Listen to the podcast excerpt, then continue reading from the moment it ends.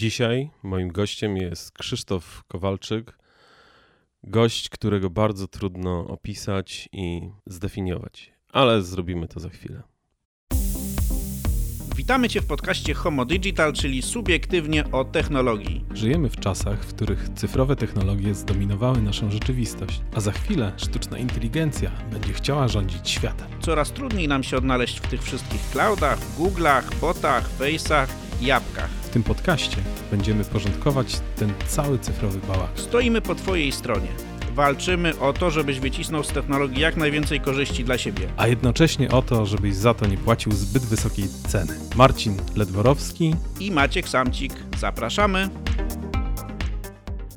Dzień dobry, Krzysztofie. Dzień dobry. Moim gościem dzisiaj jest Krzysztof Kowalczyk, którego bardzo trudno y, opisać jednym słowem, jednym zdaniem. Ja przeczytam może to, co przygotowaliśmy sobie przed y, podcastem. Krzysztof zajmuje się elektrycznym sportem, motorsportem FIA albo FIA, FIA, FIA, Światowa Federacja Samochodowa, dziękuję, i PZM, czyli Polski Związek Motorowy, oraz zarządzaniem rozwojem sportowym córki, Klary, która ściga się w kartingu i w 2022 zdobyła tytuł drugiego kartingowego wicemistrza Polski. Czy ty jesteś tatą Igi Świątek przyszłej? Wydaje się, że tak. Klara y, ma szansę na to, żeby być na topie motorsportu. Za 10 lat możemy ją zobaczyć w Formule 1, o ile oczywiście zaistnieją wszystkie sprzyjające ku temu warunki, czyli przede wszystkim zestaw odpowiednich partnerów, sponsorów, bo talent i szybkość już są. No to zobaczymy, będziemy kibicować. Czytam dalej. Wcześniej był pierwszym zarządzającym Electromobility Poland, obecnie Izera. Następnie zajmował się elektromobilnością i motorsportem w rafinerii, która jest na północy Polski, w Gdańsku, zwaną dawniej Lotosem. Przed motoryzacją i motorsportem, uwaga, teraz jesteśmy bardzo uważni, prowadził jeden z pierwszych w Polsce funduszy VC, Hard Gamma Ventures. czyli Venture Capital, i organizował spotkania i konferencje startupowe. Absolvent Singularity University.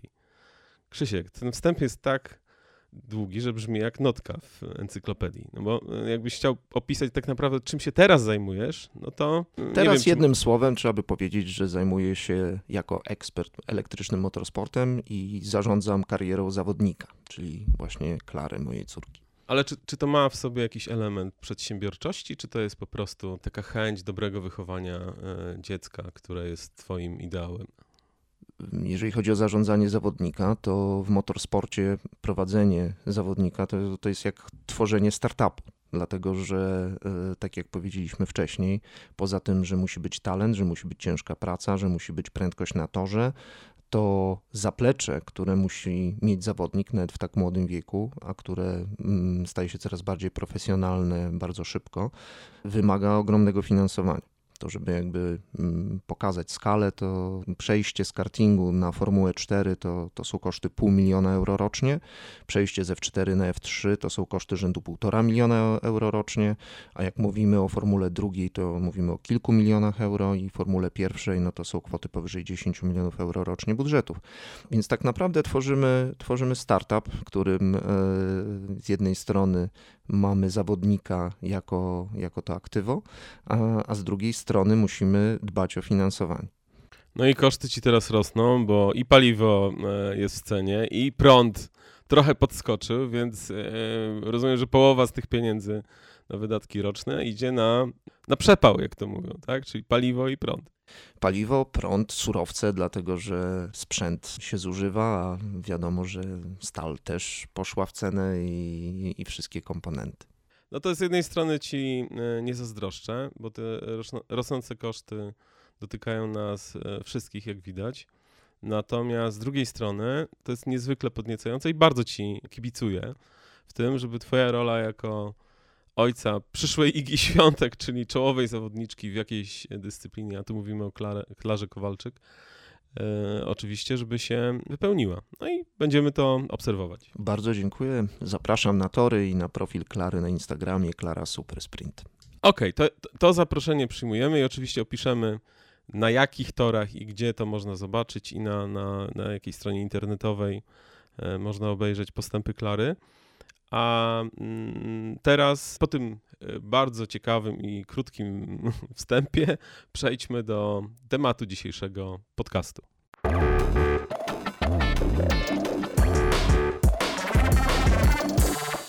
Dzisiaj chciałem porozmawiać o ChatGPT, o OpenAI i w ogóle o sztucznej inteligencji jako pewnym trendzie i o mm, w zasadzie fenomenie, który w ostatnich tygodniach niesamowicie e, szybko się z jednej strony rozwija, z drugiej strony złapał chyba serce, za, za serca i za, i za kieszenie dużą część nie tylko polskiego społeczeństwa, ale przede wszystkim społeczności, zarówno startuperów, jak i tych, którzy zajmują się technologią.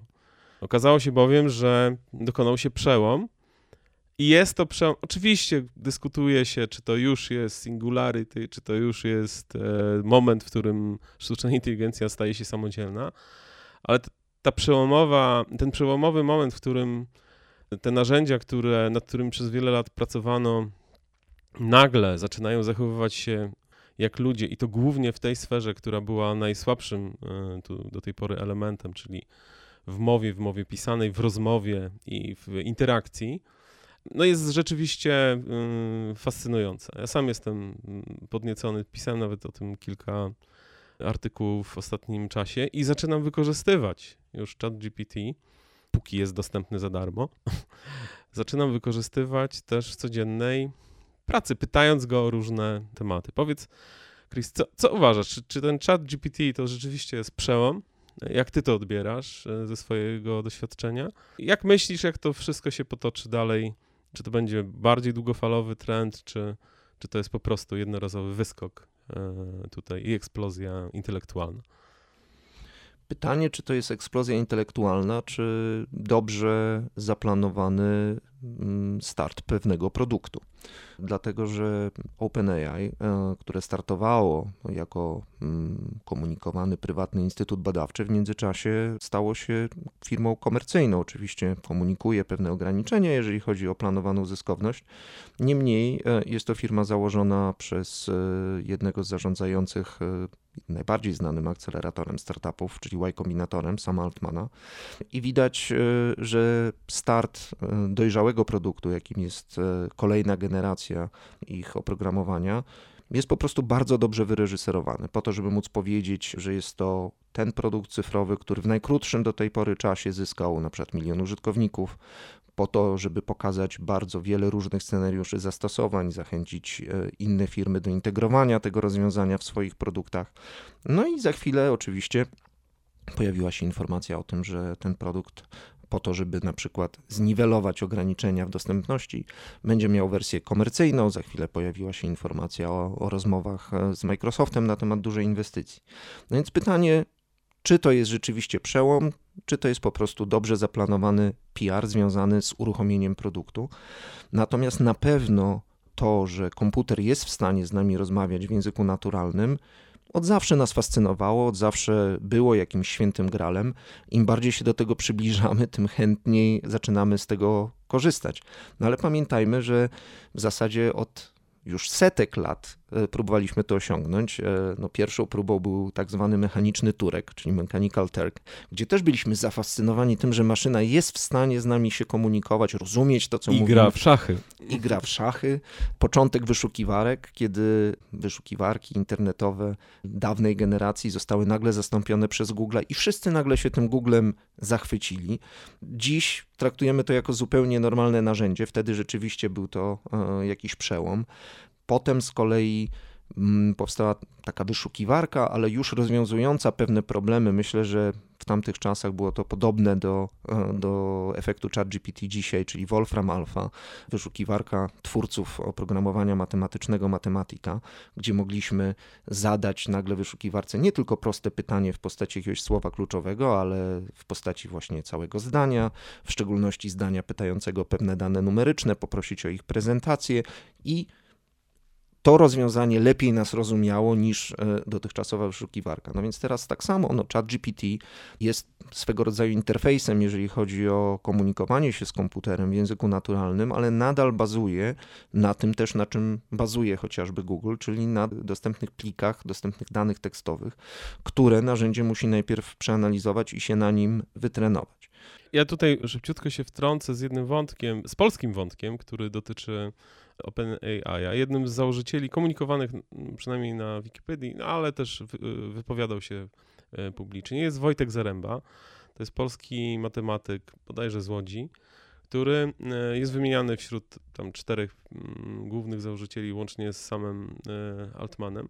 Notabene z tym wiąże się pewna zabawna anegdotka, kiedy pierwszy raz usiadłem do ChatGPT i zacząłem go pytać o mm, OpenAI, to nie wiem jak to mówić, komputer, maszyna, program, odpowiadał mi cały czas uparcie, że, że sam Altman jest kobietą. I poczułem wtedy taki drobny e, żarcik ze strony e, założycieli, którzy prawdopodobnie nauczyli tą maszynę, że sam Altman to kobieta i upierał się. Przez całą godzinę rozmowy ja mówię, ale nie, sam Altman to jest, to jest mężczyzna. Nie, nie, nie, sam Altman jest na pewno kobietą. Następnego dnia już mówił, że jest mężczyzną. Więc... No na pewno tam takich easter eggs jest więcej. E, nawet powiem szczerze, ze wstydem nie wpadłem na to kiedyś, pewnie bym to zrobił, żeby po pierwsze odpytać chat GPT, a po drugie sprawdzić e, w internecie, jakie już easter eggs zostały znalezione, ale no tak jak z Mechanical Turk, no to dowcipy właśnie związane z uczeniem komputerów albo udawaniem przez e, ludzi, że, że to są jakieś komputery czy rozwiązania, były. No tu polecam w wolnej chwili, znajdźcie sobie dawno dawne wideo pokazujące laboratorium twórców Unixa i jaki tam dowcip kiedyś e, zrobiono. Dzisiaj pokazałeś mi rano taki obrazek e, odnośnie sztucznej inteligencji. Jakbyś mógł go opisać, bo on dotyczy właśnie też przełomu, czyli przełomowego momentu w rozwoju e, sztucznej inteligencji, czyli słynnych meczy Kasparowa z Deep, Deep Blue, Blue, które ostatecznie Kasparow przegrał, ale odszedł mówiąc, że oni oszukiwali, bo cały czas podpowiadali Deep Blue, co ma, co ma zrobić. Natomiast przegrał, przegrał, ale y, do rzeczy, tak, w, muzeum, opowiedz... w Muzeum Historii Komputerów Mountain View jest, e, jest taki rysunek satyryczny przedstawiający rękę sięgającą do, do kontaktu i wyłączającą jakieś urządzenie. No i w dymku jest podpis e, Gary Kasparow pokonuje Deep Blue w jednym niespodziewanym ruchu. No tak, to, to, to, to może dotyczyć oczywiście prawie każdej sztucznej inteligencji, bo nie wyobrażam sobie tej ręki e, na przykład w wiodącym samochodzie autonomicznym, który ktoś nagle e, wyłącza i o, chyba, że łapie kierownicę. Nie, no to, to zupełnie inny e, temat. Ale odłączanie sztucznej inteligencji nie, w czasie lądowania samolotu, tam może nie ma sztucznej inteligencji, ale jest jakiś algorytm. Wydaje mi się bardzo ryzykowne. Nie? Jeżeli coś pędzi, jest już mocno rozpędzone, nie wiem, rakieta, która startuje. Trudno sobie wyobrazić, że nagle wszyscy przełączają się na sterowanie ręczne. Nie, nie da się już do tego wrócić, do tej, do tej historii z przeszłości. Pytanie, gdzie przetwarzamy, tak? Czy mamy przetwarzanie na końcówce, czyli tak zwany edge computing, który musi być w momencie, kiedy, y, kiedy chcemy na przykład myśleć o autonomicznych samochodach, dlatego że zawsze może się zdarzyć tak, że nie będziemy mieli łączności z chmurą, z centralnym serwerem mm, i, i to po prostu z czego korzystamy w zastosowaniu krytycznym dla naszego zdrowia i życia przestanie być na chwilę dostępne. I to może być brak dostępności związany z brakiem połączenia, może być to brak dostępności związany z tym, że oprogramowanie po prostu na chwilę przestanie działać, zawiesi się, nie wiem, e, komputer będzie za bardzo obciążony przetwarzaniem, żeby w czasie rzeczywistym zareagować. To są na przykład problemy, których teraz doświadczamy z chat e, GPT.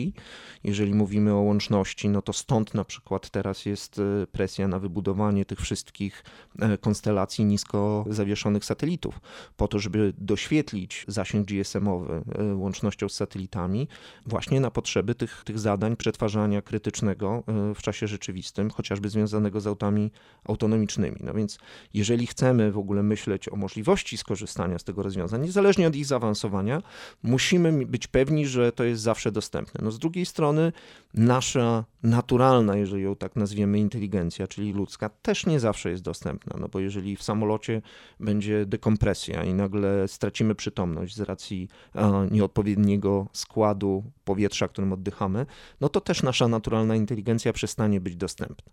Natomiast no, na dzisiaj wydaje się, że jest ona jednak bardziej dostępna i działa w czasie rzeczywistym, co skomentował z kolei Clarkson, mówiąc o autonomicznych samochodach, bo część firm już się reklamuje, że ta autonomia, szczególnie w tych luksusowych limuzynach jest. Mówi świetnie, ale to ja w takim razie zapraszam tych, e, tych menadżerów z tych firm, którzy oferują te autonomiczne samochody, do tego, żeby ich e, autonomia, ich sztuczna inteligencja przewiozła ich tymi samochodami po krętej górskiej drodze, na przykład w Ameryce Południowej, gdzie są urwiska.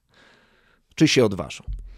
No ja nie wiem, czy bez tej sztucznej inteligencji yy, oni by się też odważyli, czy by pojechali po prostu sami prowadząc ten samochód manualną skrzynią biegów i kierownicą, bo nie jest to chyba łatwe. Ja chciałem wrócić jeszcze do wątku tej dostępności i, i satelitów, o których powiedziałeś, czyli dostępności sieci, bo zwróć uwagę, jeszcze jak Elon Musk tworzył y, pomysł na Starlinka i, i y, okazało się, że ma taki pomysł niezwykły, nie? w którym on zapewni za pomocą satelitów dostęp do internetu w dowolnym miejscu e, globu, to wielu krytyków mówiło, ale po co? Przecież mamy anteny GSM, mamy światłowody, po co ten internet przez satelity? A tu proszę, przyszła wojna z Ukrainą i nagle okazało się, że to jest jedyny sposób sensowny dostarczenia internetu na pole walki.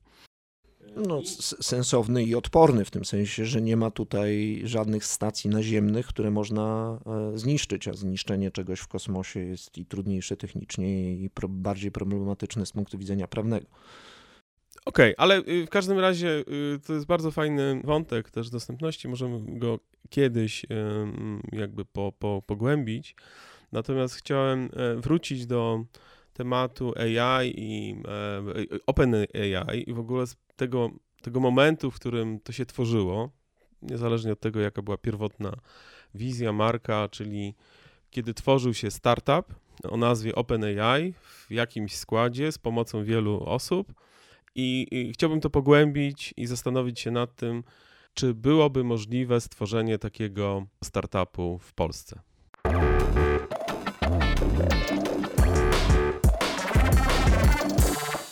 Chris, Krzysiek, powiedz, czy Twoim zdaniem moglibyśmy stworzyć OpenAI w Polsce? Czy Wojtek Zaręba musiałby wyjeżdżać do Krzemowej Doliny? I czy to jest jedyne miejsce na świecie, w którym mogą powstać tak gigantyczne i tak śmiałe e, przedsięwzięcia? Technicznie na pewno moglibyśmy to zrobić. Pytanie, czy organizacyjnie. No i tu możemy sobie zrobić prostą w miarę kalkulację. OpenAI, kiedy startował, e, dostał promesę od swoich fundatorów na finansowanie wysokości miliarda dolarów. Dość szybko potem dołączył Microsoft z finansowaniem miliarda dolarów. Ja od razu powiem, że jakby tu kronikarsko nie śledziłem kolejnych rund, ale możemy przyjąć na potrzeby tego ćwiczenia, że mamy do dyspozycji 2 miliardy dolarów na pierwsze 2-3 lata działania. Wiemy, że specjaliści, których chcemy mieć na pokładzie, są jednymi z najdroższych, tak? tak samo jak specjaliści od autonomicznej e, jazdy, bo to jest dość jakby pokrewne w sensie kompetencji algorytmów używanych. Mówi się, że inżynierowie, których zatrudnia OpenAI, kosztują tyle e, rocznie, co dobrej klasy debiutujący quarterback w NFL-u. Znalazłem określenie, czyli milion dolarów rocznie musimy mieć na taką osobę. No i teraz mm, w jednostkach, w których zarabiamy, pytanie w Polsce brzmi tak, czy jesteśmy w stanie sobie zapewnić na 2-3 lata działania firmy, o której myślimy, czy w ogóle projektu, jak go nie zdefiniujemy właśnie, 2-3 miliardy złotych, zatrudniając inżynierów, którym zapłacimy po milion złotych rocznie. I nie, mia nie mając przez pierwszy rok, a może nawet i dwa lata, y, żadnych y, efektów poza, znaczy, dokładnie, poza PR-em. Znaczy poza... nie, my, nie tyle poza PR-em. jedyne, co możemy powiedzieć, siadając do stołu z kimś, kto potencjalnie nam te środki ma udostępnić, to to, że widzimy, że sztuczna inteligencja to jest obszar atrakcyjny technologicznie, z dużym potencjałem biznesowym, jeżeli się uda stworzyć rzeczywiście rozwiązania, które nas przeniosą na inny poziom efektów, zaawansowania tej technologii, no ale to, czego potrzebujemy, to potrzebujemy posadzić 100 czy 200 inżynierów na właśnie co najmniej 2 lub 3 lata. Jedyne, co możemy dziś na starcie tej drogi obiecać, to, że dostaniemy jakieś komponenty. Nie wiemy jeszcze, co nam wyjdzie. Do jakiegokolwiek produktu czy monetyzacji jest bardzo daleko. Tak, zobaczmy, że języku... OpenAI dopiero po sześciu latach w zasadzie wyszło z jakimś takim produktem, który będzie próbowało e, monetyzować na rynku. W, języku finansistów to oznacza, że y, którzy mówią przy takich przedsięwzięciach, że jedyne co jest pewne przy takim projekcie to są koszty. E, czyli akurat w tym przypadku koszty będą zawsze pewne, a wyniki, efekty e, tego działania to się okaże. No i wydaje mi się, że z tego punktu widzenia zrobienie takiego projektu w Polsce, a być może w ogóle w Europie byłoby niemożliwe. Francuzi w pewnym momencie podjęli decyzję na przykład, że finansowanie które rząd przeznacza na startupy, nie będzie rozsmarowywane cienką warstwą pomiędzy różne projekty w bardzo niedużym finansowaniu, tylko skoncentrują się na kilku projektach z których każdy dostanie kilkaset milionów euro. No ale nadal nie są to 2 miliardy, ale przy kilkuset milionach euro można byłoby już spróbować. Dzisiaj takich mechanizmów ani publicznych, ani prywatnych w Polsce nie ma. W Europie byłoby też bardzo trudno. No więc pozostają nam te Stany Zjednoczone, tak? gdzie z jednej strony mamy już w Dolinie Krzemowej, w całym ekosystemie ileś osób, które przez kilkadziesiąt lat przeszły przez proces tworzenia firm, wychodzenia, wkładania pieniędzy w kolejne fundusze i mnożenia tych pieniędzy z jednoczesnym rozumieniem technologii, z doświadczeniem i z możliwością rekrutowania specjalistów, którzy też idą przez takie bardzo zaawansowane projekty. To jest po prostu inny ekosystem, nie da się go w prosty sposób skopiować, natomiast można próbować się e, przygotowywać do współpracy z tym ekosystemem. No i dzisiaj też słyszymy o tym, że nagle e, wśród funduszy VC jedną z popularniejszych kategorii, w które planują w tym roku inwestować, jest sztuczna inteligencja. No i to nie jest hype, to nie jest próba zrobienia drugiego OpenAI, tylko to jest rozsądna próba przygotowania się na to, że OpenAI, który widać, że osiągnął wysoki poziom zaawansowania technologicznego, wypuszcza na rynek produkt, rozmawia z Microsoftem o dużym finansowaniu, będzie tak naprawdę musiał rosnąć przez akwizycję. To ja może teraz poproszę o jedną dygresję, ponieważ w ostatnich e, dniach, w zasadzie tygodniach, obserwujemy, jak mm, e, chińskie władze intensywnie wbijają się w ten e, świat startupowy chiński, czyli niby prywatnych firm, które osiągnęły niesamowity sukces. Mówię tu głównie o Alibabie, Tencencie. A teraz e, nagle rząd chiński żąda złotej akcji i de facto przewraca do góry nogami cały świat. Do czego się szykował przez ostatnie kilkanaście miesięcy i to, to, to było o tym mowa, ale teraz to się to się dzieje. Wyobrażę sobie taką sytuację w Stanach Zjednoczonych, że nagle rząd wkracza i mówi, no nie, Starlink to jest inwestycja tutaj y, strategiczna, tu musimy mieć na tym łapę, y, SpaceX podobnie, OpenAI podobnie i wszędzie rząd amerykański wchodzi i y, zabiera możliwość decydowania funduszom o tym, co będą robić dalej z tymi podmiotami. Nie wyobrażam sobie, ale to też jest zupełnie inaczej skonstruowane państwo, zupełnie inaczej funkcjonujące społeczeństwo i zupełnie inaczej funkcjonująca gospodarka. To znaczy, po to, żeby móc e, wywierać jakąś kontrolę mm, nad pewnymi rozwiązaniami technologicznymi, rząd amerykański nie musi mieć złotej akcji. Tak? Wiadomo, steruje zamówieniami. Steruje zamówieniami. Wiadomo, że kompleks zbrojeniowy jest y, bardzo istotny z punktu widzenia rozwoju technologii. Na tym zresztą wyrosła przecież i Dolina Krzemowa, i niżej trochę w Kalifornii okolice San Diego, jako, jako takie ekosystemy, które rozwijają elektronikę i oprogramowanie i różnego rodzaju produkty na potrzeby na potrzeby armii amerykańskiej. W związku z tym tam są po prostu inne mechanizmy kontroli. Natomiast e, na pewno każda technologia, którą tworzymy, będzie zawsze oceniana z punktu widzenia zastosowań mm, czy do kontroli społeczeństwa, czy zastosowań militarnych. No i tę świadomość trzeba mieć. Tak? Ja myślę, że przy OpenAI akurat taka dyskusja się odbywa, na ile to, co tworzymy, jest bezpieczne, e, na ile możemy to przekazać do general public.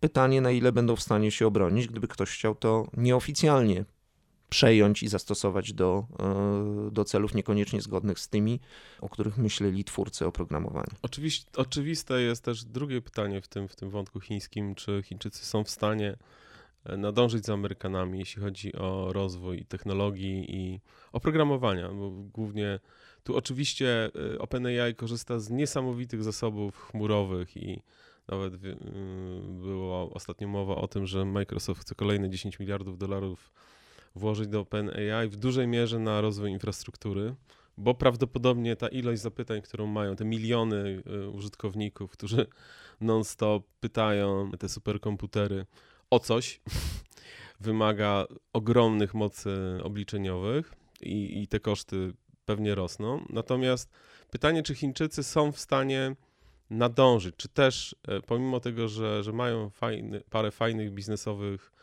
projektów, które teraz przywołują do szeregu, czy są w stanie rozpędzić swoje technologie tak daleko, jak rozpędza e, społeczność międzynarodowa, chociaż głównie amerykańska.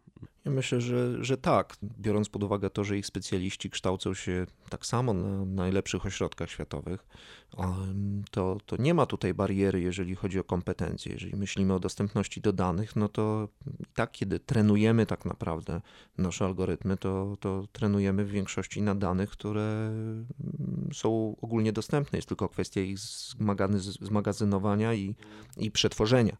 Jeżeli potraktujemy rząd chiński jako inwestora, no to na pewno tutaj zasoby do tego są nieograniczone, chociaż dla nas pewnie, jeżeli wrócimy do tego pytania o to, czy można by było tego rodzaju przedsięwzięcie uruchomić w Polsce, byłaby to bariera. No ja pamiętam z czasów tego mojego kursu na Singularity, kiedy Ray Kurzweil, jeden z propagatorów w ogóle e, sztucznej inteligencji, e, znany seryjny wynalazca technologiczny, przedsiębiorca, opowiadał o tym, dlaczego zdecydował się dołączyć do Google'a i kierować tam działem sztucznej inteligencji, a nie, a nie próbować tworzyć kolejną swoją firmę powiedział, że przekonało go to, co, co powiedzieli mu założyciele Google'a, że u nas będziesz miał dostęp do nieograniczonej w porównaniu do innych miejsc liczby danych, ilości danych, no i będziesz miał ogromną moc przetwarzania. Tak? I to go przekonało. Tego tak naprawdę potrzebujemy, że jeżeli chcemy pracować nad rozwiązaniami z obszaru sztucznej inteligencji.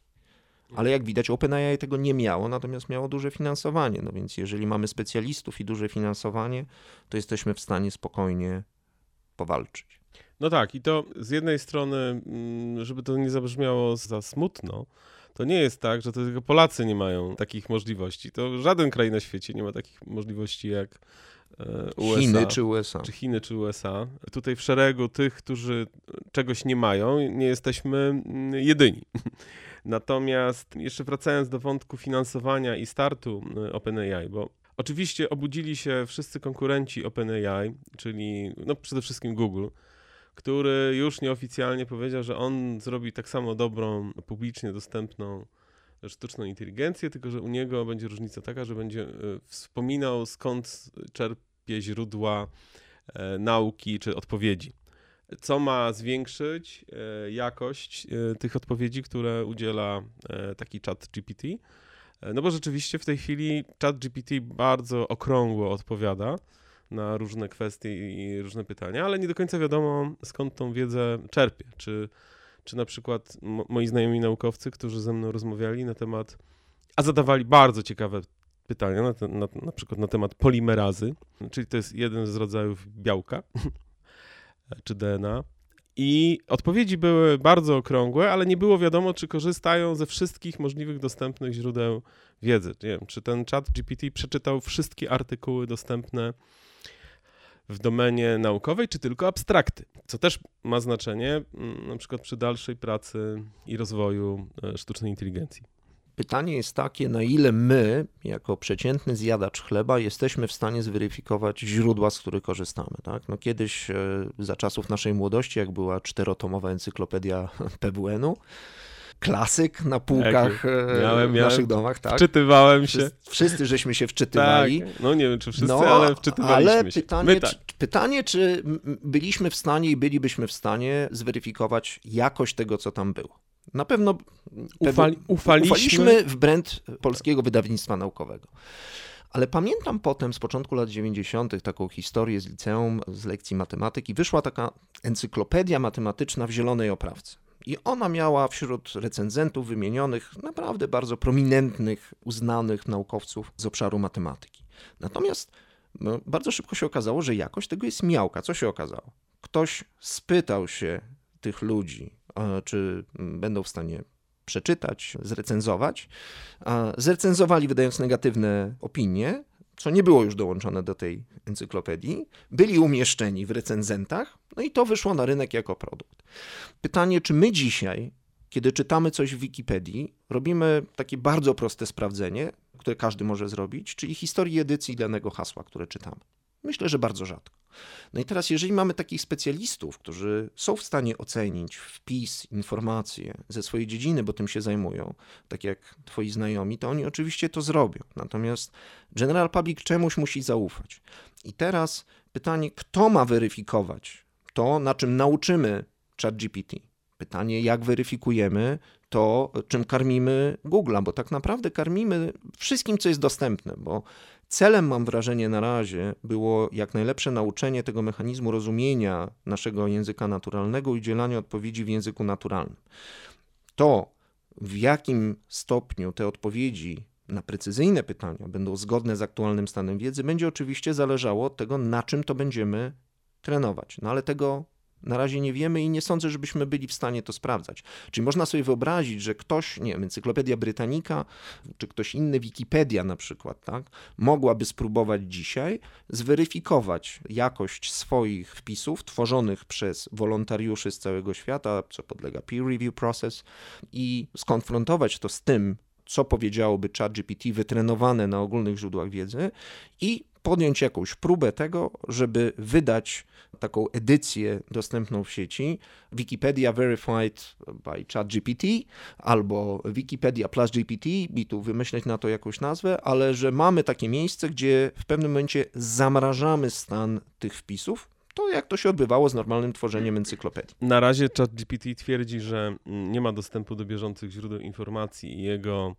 historia kończy się na roku 2021. Tak, dokładnie. I wybranych jest... zdarzeń y, tam 2002 i bieżących. Jak spytamy o bardzo niedawne wydarzenia, to no, odmówi mówi, odpowiedzi. Odmówi, tak. tak. I ja myślę, że to jest świadomy i celowy y, zabieg też twórców, żeby nie prowokować jakichś awantur y, dotyczących bieżących spraw, bo wiadomo, czasami z biegiem czasu dopiero historycy nabierają dystansu a czasami nigdy nie nabierają dystansu i każdy naród ma swoją własną wersję historii jeden z moich y, kolegów, y, Dominik Czajewski z, z tej sfery Venture Capital, w zasadzie funduszy inwestycyjnych, właśnie bierze udział w takiej firmie, która się nazywa Quality of AI, czyli y, powstały już firmy, które będą badać jakość sztucznej inteligencji, czyli odpowiedziała trochę na, Dominik odpowiedział trochę na twoje pytanie o to, kto to będzie badał. No więc już jest firma, która za chwilę będzie to badać. Tak, tylko cały czas pamiętajmy o tym, że mamy jakby dwie osie co najmniej, to znaczy jedna e, jakość algorytmu sposobu wnioskowania, a druga rzecz e,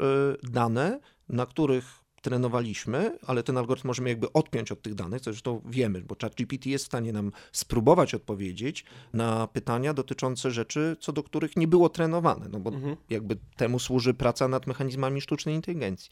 Ale z drugiej strony, jeżeli pytamy o sprawy faktograficzne, to ten algorytm będzie bazował oczywiście tylko na tym, czego mu dostarczymy. No i tu jest pytanie o jakość tych danych, więc trzeba pamiętać o tych dwóch osiach, tak?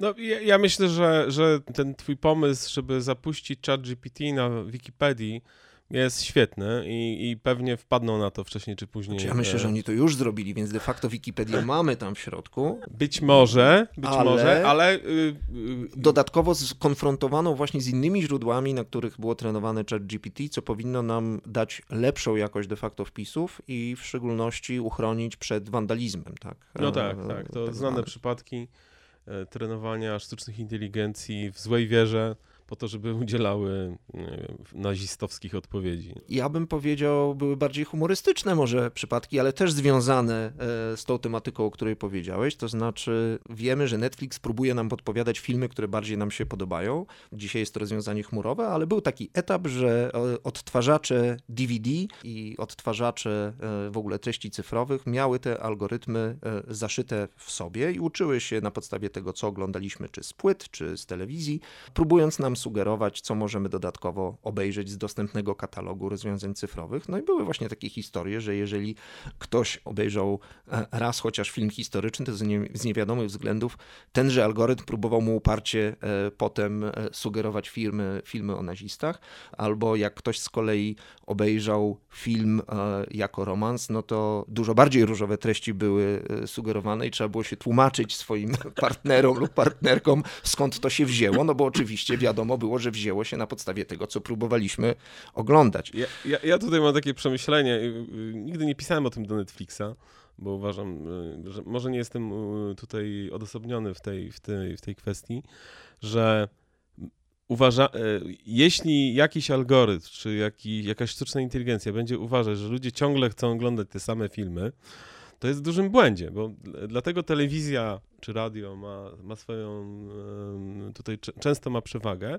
że ktoś układa program, on jest zróżnicowany i dostajemy nie ciągle kolejną część Star Wars y, i serialu Mandalorian czy, czy y, Andor, tylko dostajemy różnorodne e, treści, żeby się nie zanudzić, nie? Bo ja wprawdzie mógłbym oglądać Star Wars Klasyka ciągiem. polskiego kina mówi, że podobają nam się rzeczy, które już raz widzieliśmy. Okej, okay, ale nie historia przez całą... mojej córki na przykład to ale potwierdza. przez całą dobę? Krzyż, ona, no. ona obejrzała film o rywalizacji e, Jamesa Hunta, e, Jamesa Hunta i Nickiego Laudy kilkaset razy.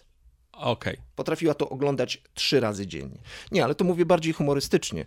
Tak oczywiście jest, jak mówisz. E, gdyby sztuczna inteligencja zaczęła pisać scenariusze dla Netflixa, prawdopodobnie byłoby to z pożytkiem dla nas wszystkich. To znaczy nie oglądalibyśmy tysiącznej części serialu o Gwiezdnych Wojnach, czy kolejnego filmu z uniwersum Marvela, jak to się mówi.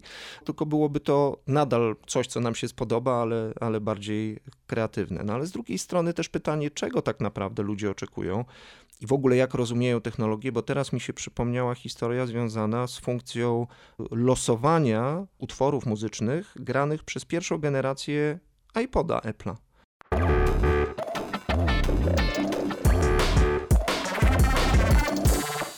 Doszliśmy do momentu, gdzie powinniśmy podsumowywać, więc y, bardzo Cię proszę, opowiedz tą anegdotę historyczną i porozmawiamy sobie chwilę o tym, co będzie dalej, naszym zdaniem, z, z tym światem OpenAI, sztucznej inteligencji, Google'a i jak to będzie wyglądało. Anegdota jest taka, że pierwsza generacja iPodów, kiedy mówiliśmy, że, że chcemy dostać losowo odgrywane dla nas utwory muzyczne, potrafiła zagrać dwa razy pod rząd ten sam utwór co oczywiście przy losowaniu ze zwracaniem jest możliwe, natomiast e, przeciętny e, amerykański Kowalski uznał to za błąd w oprogramowaniu i Apple musiało zepsuć de facto funkcję losowania, która zaczęła sprawdzać, czy nie wylosowano przypadkiem utworu, który był grany przed chwilą. No teraz inna rzecz, która mi się skojarzyła, to to, co dzieje się w obszarze sztucznej inteligencji, samochodów i finansowania. Tak? Był taki moment, kiedy na giełdę amerykańską przez e, wehikuły, które już były notowane na giełdzie, ale nie prowadziły działalności, tak zwane SPAKI, weszło trochę firm z obszaru oprogramowania dla samochodów, właśnie rozwijających oprogramowanie do jazdy autonomicznej. Ponieważ na giełdzie ten sentyment do tych wehikułów się zmienił i nagle wyceny potrafiły spaść o 90%, no to pojawiły się artykuły, zabrnęliśmy w ślepą uliczkę z autonomicznymi samochodami. Dlaczego? Dlatego, że General Public przyjmuje, że skoro na giełdzie wycena kursów spółek z tego sektora spadła, to znaczy, że być może w ogóle to nie ma sensu.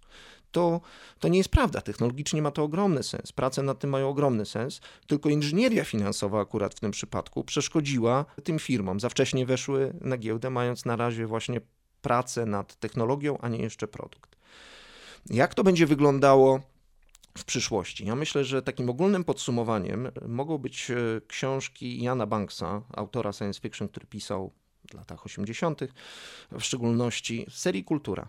To, co widzimy, co robi Elon dzisiaj, czyli Hyperloop, Neuralink, sztuczna inteligencja, to jest wszystko żywcem wzięte z tych książek i to jakby oficjalnie wzięte, w tym sensie, że wiadomo, że Elon się na tych książkach Przyznaje się do tego przyznaje. tak? Nawet dwie rakiety SpaceXa zostały nazwane nazwami statków kosmicznych z tego świata. To jest świat naszej cywilizacji 10 tysięcy lat do przodu, na tyle rozwiniętej technologicznie, że zarządza tym, tą, tą cywilizacją sztuczna inteligencja.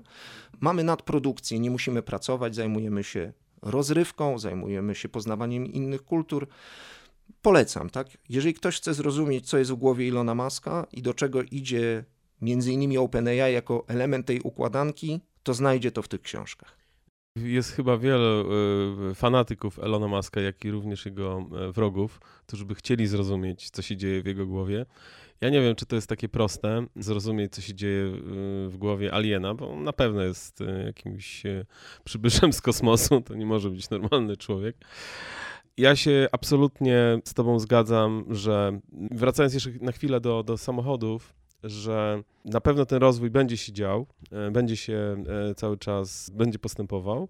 Natomiast ze swojego własnego doświadczenia powiem, że wszystkie udogodnienia drobne nawet w samochodach, typu tempomat e, dynamiczny, typu automatyczne hamowanie w przypadku wykrycia przeszkody, uważam, że są bardzo ważne. Jeszcze samochód nie powinien wpuszczać pijanych ludzi do, za kierownicę i powinien zabraniać pisania SMS-ów i e, odbierania e, poczty na, w czasie jazdy.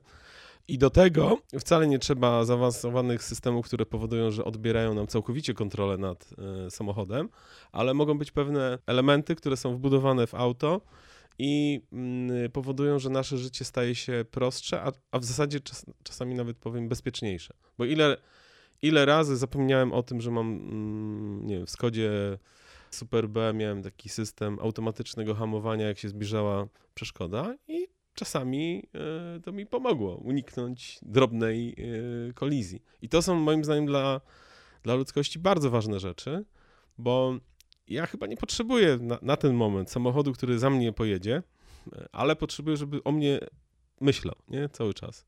Wiesz, włączał te poduszki powietrzne wtedy, kiedy trzeba, te zewnętrzne, wewnętrzne, czyli jakby jest bardzo wiele elementów związanych z, z jazdą, z dynamiką akurat w samochodach, które można by zrobić nie powodując i nie budując od razu wielkiego mm, pojazdu, który mnie całkowicie zastąpi. Nie? Wystarczy, że mnie będzie wspomagał. Nie? Znowu jak z tym finansowaniem e, i różnicami między Stanami Zjednoczonymi a Europą, czy Polską w szczególności. Ja pierwszy raz zrozumiałem, dlaczego auta autonomiczne mają sens na autostradzie 101 łączącej Dolinę Krzemową San Francisco. Jak się tam mieszka, to albo się mieszka w Dolinie, albo w mieście, no i siłą rzeczy na spotkania się kursuje. No i ta osoba, która siedzi akurat za kierownicą samochodu, o ile nie jedzie się trainem, to jest ta jedyna osoba, która nie jest w stanie e, godziny, którą poświęcamy na przejazd z San Francisco w okolice, na przykład San Jose, która nie jest w stanie tego poświęcić na pracę. Załóżmy, jedziemy w pięć osób, cztery osoby pracują, rozmawiają o tej pracy, a ta osoba za kierownicą na autostradzie, która ma pięć, sześć pasów, często stoi w korku, ona musi się koncentrować na jeździe, a swobodnie mogłaby właśnie włączyć tryb autonomiczny i pracować z resztą. Doświadczyłem tego też przy jeżdżeniu z Klarą na zawody we Włoszech, gdzie ona głównie się teraz ściga, gdzie w zasadzie pomiędzy Warszawą a torem Lonato, takim jednym z e, najpopularniejszych pod względem liczby zawodów torów e, na północy Włoch, cały czas mamy autostradę. Ja jestem w stanie w zasadzie już z zamkniętymi oczami, bo na przykład w pierwszej połowie zeszłego roku nie, zrobiłem nie, 60 nie tysięcy kilometrów. Nie jeździ z zamkniętymi nie, oczami, nie jeżdżę, proszę. ale jestem w stanie z zamkniętymi oczami w zasadzie tę trasę półtora tysiąca kilometrów opowiedzieć kilometr po kilometrze. Ja marzę o tym, żeby na tych autostradach jechać pojazdem, gdzie ja mogę wcisnąć guzik i ten pojazd mnie spokojnie, bezpiecznie przewiezie po tych autostradach i wysadzi na miejscu, a ja będę w tym czasie w stanie się wyspać, będę w stanie być może popracować, a nie będę musiał poświęcać czasu na prowadzenie pojazdu. Okej, okay, ale y, rzeczywiście tutaj skupiliśmy się na autach głównie z racji twojego DNA startupowego tutaj w, w pojazdach, no i twojej pasji, tak, pasji trenerskiej i byciem we władzach Światowej Federacji y, Samochodowej. Samochodowej. Mm, Natomiast y, y, spójrzmy jeszcze chwilę na taką generalną sztuczną inteligencję, to AGI, czyli tą, tą która, na którą wszyscy czekają i chyba się właśnie wszyscy, powiedzmy, specy od technologii i naukowcy zorientowali, że to jednak jest bliżej niż dalej, bo ten moment, w którym sztuczną inteligencję podepniemy do wszystkich możliwych mediów, fabryk, dronów, może się skończyć dokładnie tak jak w filmach Zagłady, gdzie sztuczna inteligencja stwierdza, przejmuje władzę nad światem i stwierdza, że ludzie są najmniej potrzebnym komponentem tego świata, ale mam nadzieję, że do tego tak szybko nie dojdzie. Natomiast ten moment, w którym ta świadomość zacznie funkcjonować, może ludziom umknąć. Znaczy, ostatnio mówi się o, o tym, że jeśli sztuczna inteligencja będzie tak inteligentna jak człowiek, to prawdopodobnie nie powie człowiekowi, że, uzyskała uzyskała świadomość. ten moment. Tak. No, znowu tutaj e, możemy odwołać się może nie do książki, ale do filmu. Wiele osób mówi, że Matrix był na tym wzorowany, czyli e, Ghost in the Shell, e, film z drugiej połowy lat 90., manga japońska. Dokładnie o projekcie oprogramowania, które osiągnęło samoświadomość i nie mówiąc o tym, uciekło w sieć, próbując się uratować przed odłączeniem. No mam nadzieję, że osoby, które pracują w OpenAI wiedzą, jak spróbować zidentyfikować ten moment. E, Można zresztą po pierwsze zadać im to pytanie w trybie dziennikarskim, a po drugie spróbować spytać o to ChatGPT i zobaczyć, co e, odpowie, próbując ocenić, czy już próbuje nas oszukać, ukrywając swoją samoświadomość, czy nie. Tak, tak, by, były takie próby i, i na razie oczywiście OpenAI, e, ChatGPT ma taką okrągłą formułkę uciekania od e, prawdziwej odpowiedzi, chociaż ostatnio z Google'a zwolniono jednego z inżynierów, który twierdził, że intelig- e, sztuczna inteligencja Google'a już ma samoświadomość, tylko się nie chce do tego przyznać, a Google to ukrywa. Nie, ale to o spiskowych teoriach nie będziemy e, tutaj mówić. Mm, Wydaje mi się, że fajnie, że to się zdarzyło za mojego życia, e, czyli ta, taki przełom, w zasadzie publiczny przełom, tak, publicznie ujawniony przełom e, w rozwoju sztucznej inteligencji, bo wielu ludzi e, mocno się zaczęło zastanawiać, trochę podobnie do tych samochodów, czyli takich systemów wspierających człowieka w e, wykonywania jakichś codziennych czynności. Wielu ludzi, a szczególnie programistów, zaczęło się zastanawiać, jak będzie wyglądało ich, ich rola, ich życie w przyszłości, bo software w tej chwili potrafi napisać całkiem sensowny Software. software. Dokładnie. I nagle odkrywają, że będą bardziej kreatorami, designerami niż tymi, wiesz, lu- ludźmi, którzy wstukują kilometry y, kodu źródłowego, nie? Tak, no ale do pewnego stopnia no to już się zadziało, to znaczy przez te kilkadziesiąt lat rozwoju oprogramowania y, stworzyliśmy ileś bibliotek, ileś gotowych y, rozwiązań, z których tak naprawdę korzystamy na zasadzie zbudowania y, z gotowych klocków jakiegoś rozwiązania.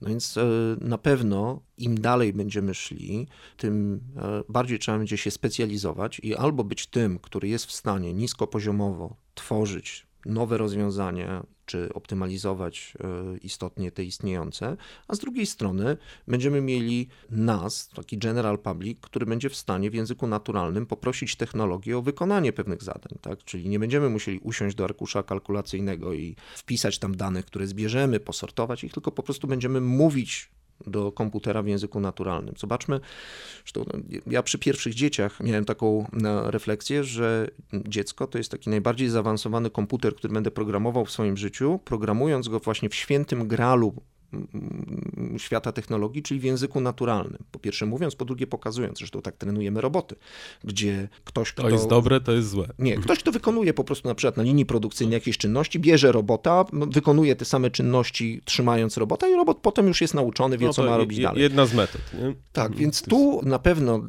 dla, dla świata technologii, dla programistów jest to pytanie, co dalej z nami, ale to pytanie było pewnie w wielu zawodach wcześniej, tak? No, taki moment, gdzie coś zautomatyzowaliśmy i nagle już nie musieliśmy korzystać z większości osób. Cały czas było zapotrzebowanie na, na ekspertów. No tak, tak. I tutaj y, ten przykład z dziećmi jest bar bardzo dobry. Ja obserwuję to też y, tak samo u swoich dzieci, tych najmniejszych, gdzie moja córka w naturalny sposób używa Google'a. E, Najpierw nauczyła się pisać po to, żeby na Google coś wyszukiwać. Potem stwierdziła, że nie chce jej się pisać i mówi do Google'a na Androidzie, no bo tam jest taka prosta funkcja wyszukiwania przez y, głos. I myślę, że to tak będzie, że y, za chwilę one w naturalny sposób wejdą w każdą nową sztuczną inteligencję, będą jej używać jako narzędzia. Zrób mi to, zrób mi tamto, a oni sobie to przejrzą. Jak będzie dobre, to zostawią, jak nie, to, to poprawią i oddadzą wypracowanie do szkoły. Pisanie wy, wypracowań stanie się wtedy zupełnie czym innym niż e, do tej pory. Nie będzie nudną czynnością, tylko będzie po prostu, a, miałem zrobić zadanie domowe, no to zrobiłem. Pytanie, co z kreatywnością, no to, to oczywiście jest osobny wątek, bardzo głęboka, e, głęboki temat, bo e, twórcy, mówię głównie o artystach, też zauważyli, że sztuczna inteligencja coś pozwala zrobić, czy to jest mocno kreatywne, jeszcze nie wiemy. Y, widzimy, że są pewne efekty, ale już są pierwsze oskarżenia, że sztuczna inteligencja mocno korzysta z cudzej własności intelektualnej, na przykład przy tworzeniu obrazów. I stąd się pojawił ten wątek cytowania, czy tam wskazywania źródeł, no bo rzeczywiście, jeżeli sztuczna inteligencja tworzy nowy obraz, ale wykorzystuje pięć elementów z jakiegoś istniejącego i nie jest to zupełnie czysta twórczość, no to jest plagiat. I, dla, I ci twórcy zaczęli szukać, jakby z których obrazów korzystają sztuczne inteligencje do tworzenia kolejnych obrazów. Ja myślę, że nasz świat podlega w tej chwili gigantycznej zmianie, jeśli chodzi o korzystanie ze sztucznej inteligencji.